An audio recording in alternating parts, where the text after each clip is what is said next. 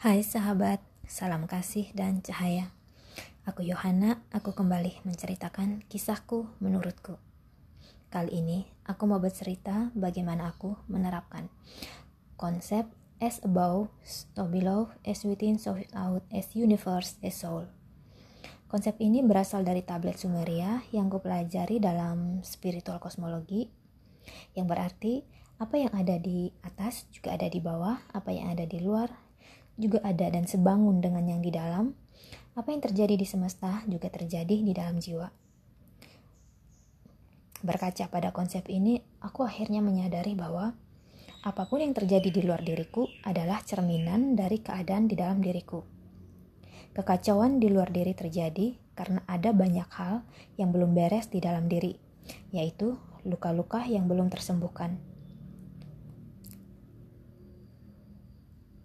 Aku akui ada begitu banyak luka yang kutekan.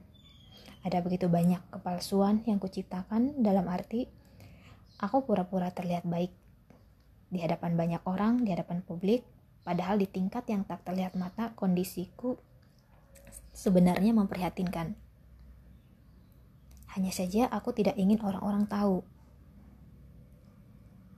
Dan apa pun yang belum beres dalam diri akhirnya menarik orang atau kejadian yang sesuai dengan frekuensi yang kupancarkan dari dalam tanpa kusadari. Likes, uh, tracks likes ya. Setelah menyadari konsep ini, aku mulai membenahi diri. Aku ikut kelas inner healing untuk menyembuhkan luka-luka batin, termasuk menyembuhkan inner child atau anak batin yang terluka. Sangat penting menyembuhkan inner child, supaya inner childku tidak mengontrol aku yang sudah dewasa pada akhirnya juga, aku sudah tidak ngotot lagi untuk mengejar ini dan itu. Karena ternyata yang terbaik adalah menempuh perjalanan masuk ke dalam diri, menemukan sumber luka dan menyembuhkannya. Ketika tersembuhkan, transformasi terjadi di dalam diri.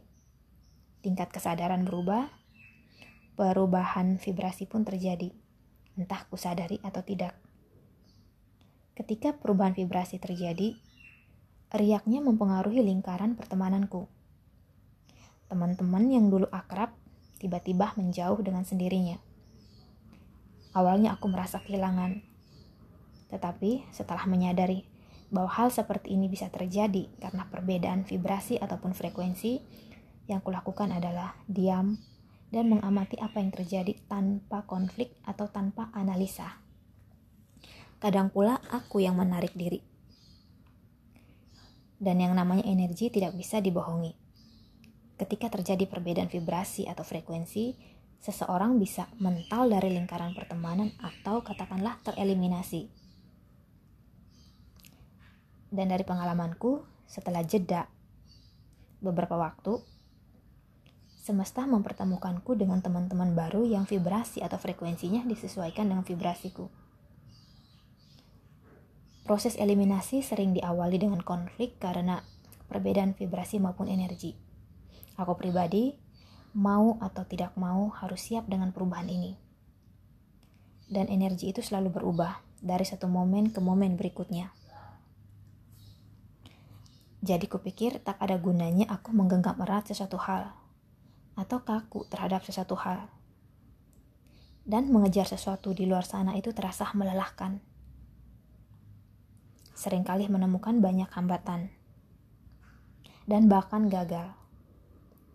Ternyata rumus terbaiknya adalah menyembuhkan luka-luka batin, mencintai diri sendiri apa adanya, dan ketika itu terjadi, transformasi pun terjadi di dalam diri, skala kesadaran berubah, vibrasi berubah, dan semua yang dibutuhkan dihadirkan semesta dengan mudah, ringan, dan menyenangkan. Dan semesta mempunyai mekanisme tersendiri untuk memenuhi semua yang kubutuhkan. Nah sahabat, ini ceritaku. Thank you, namaste.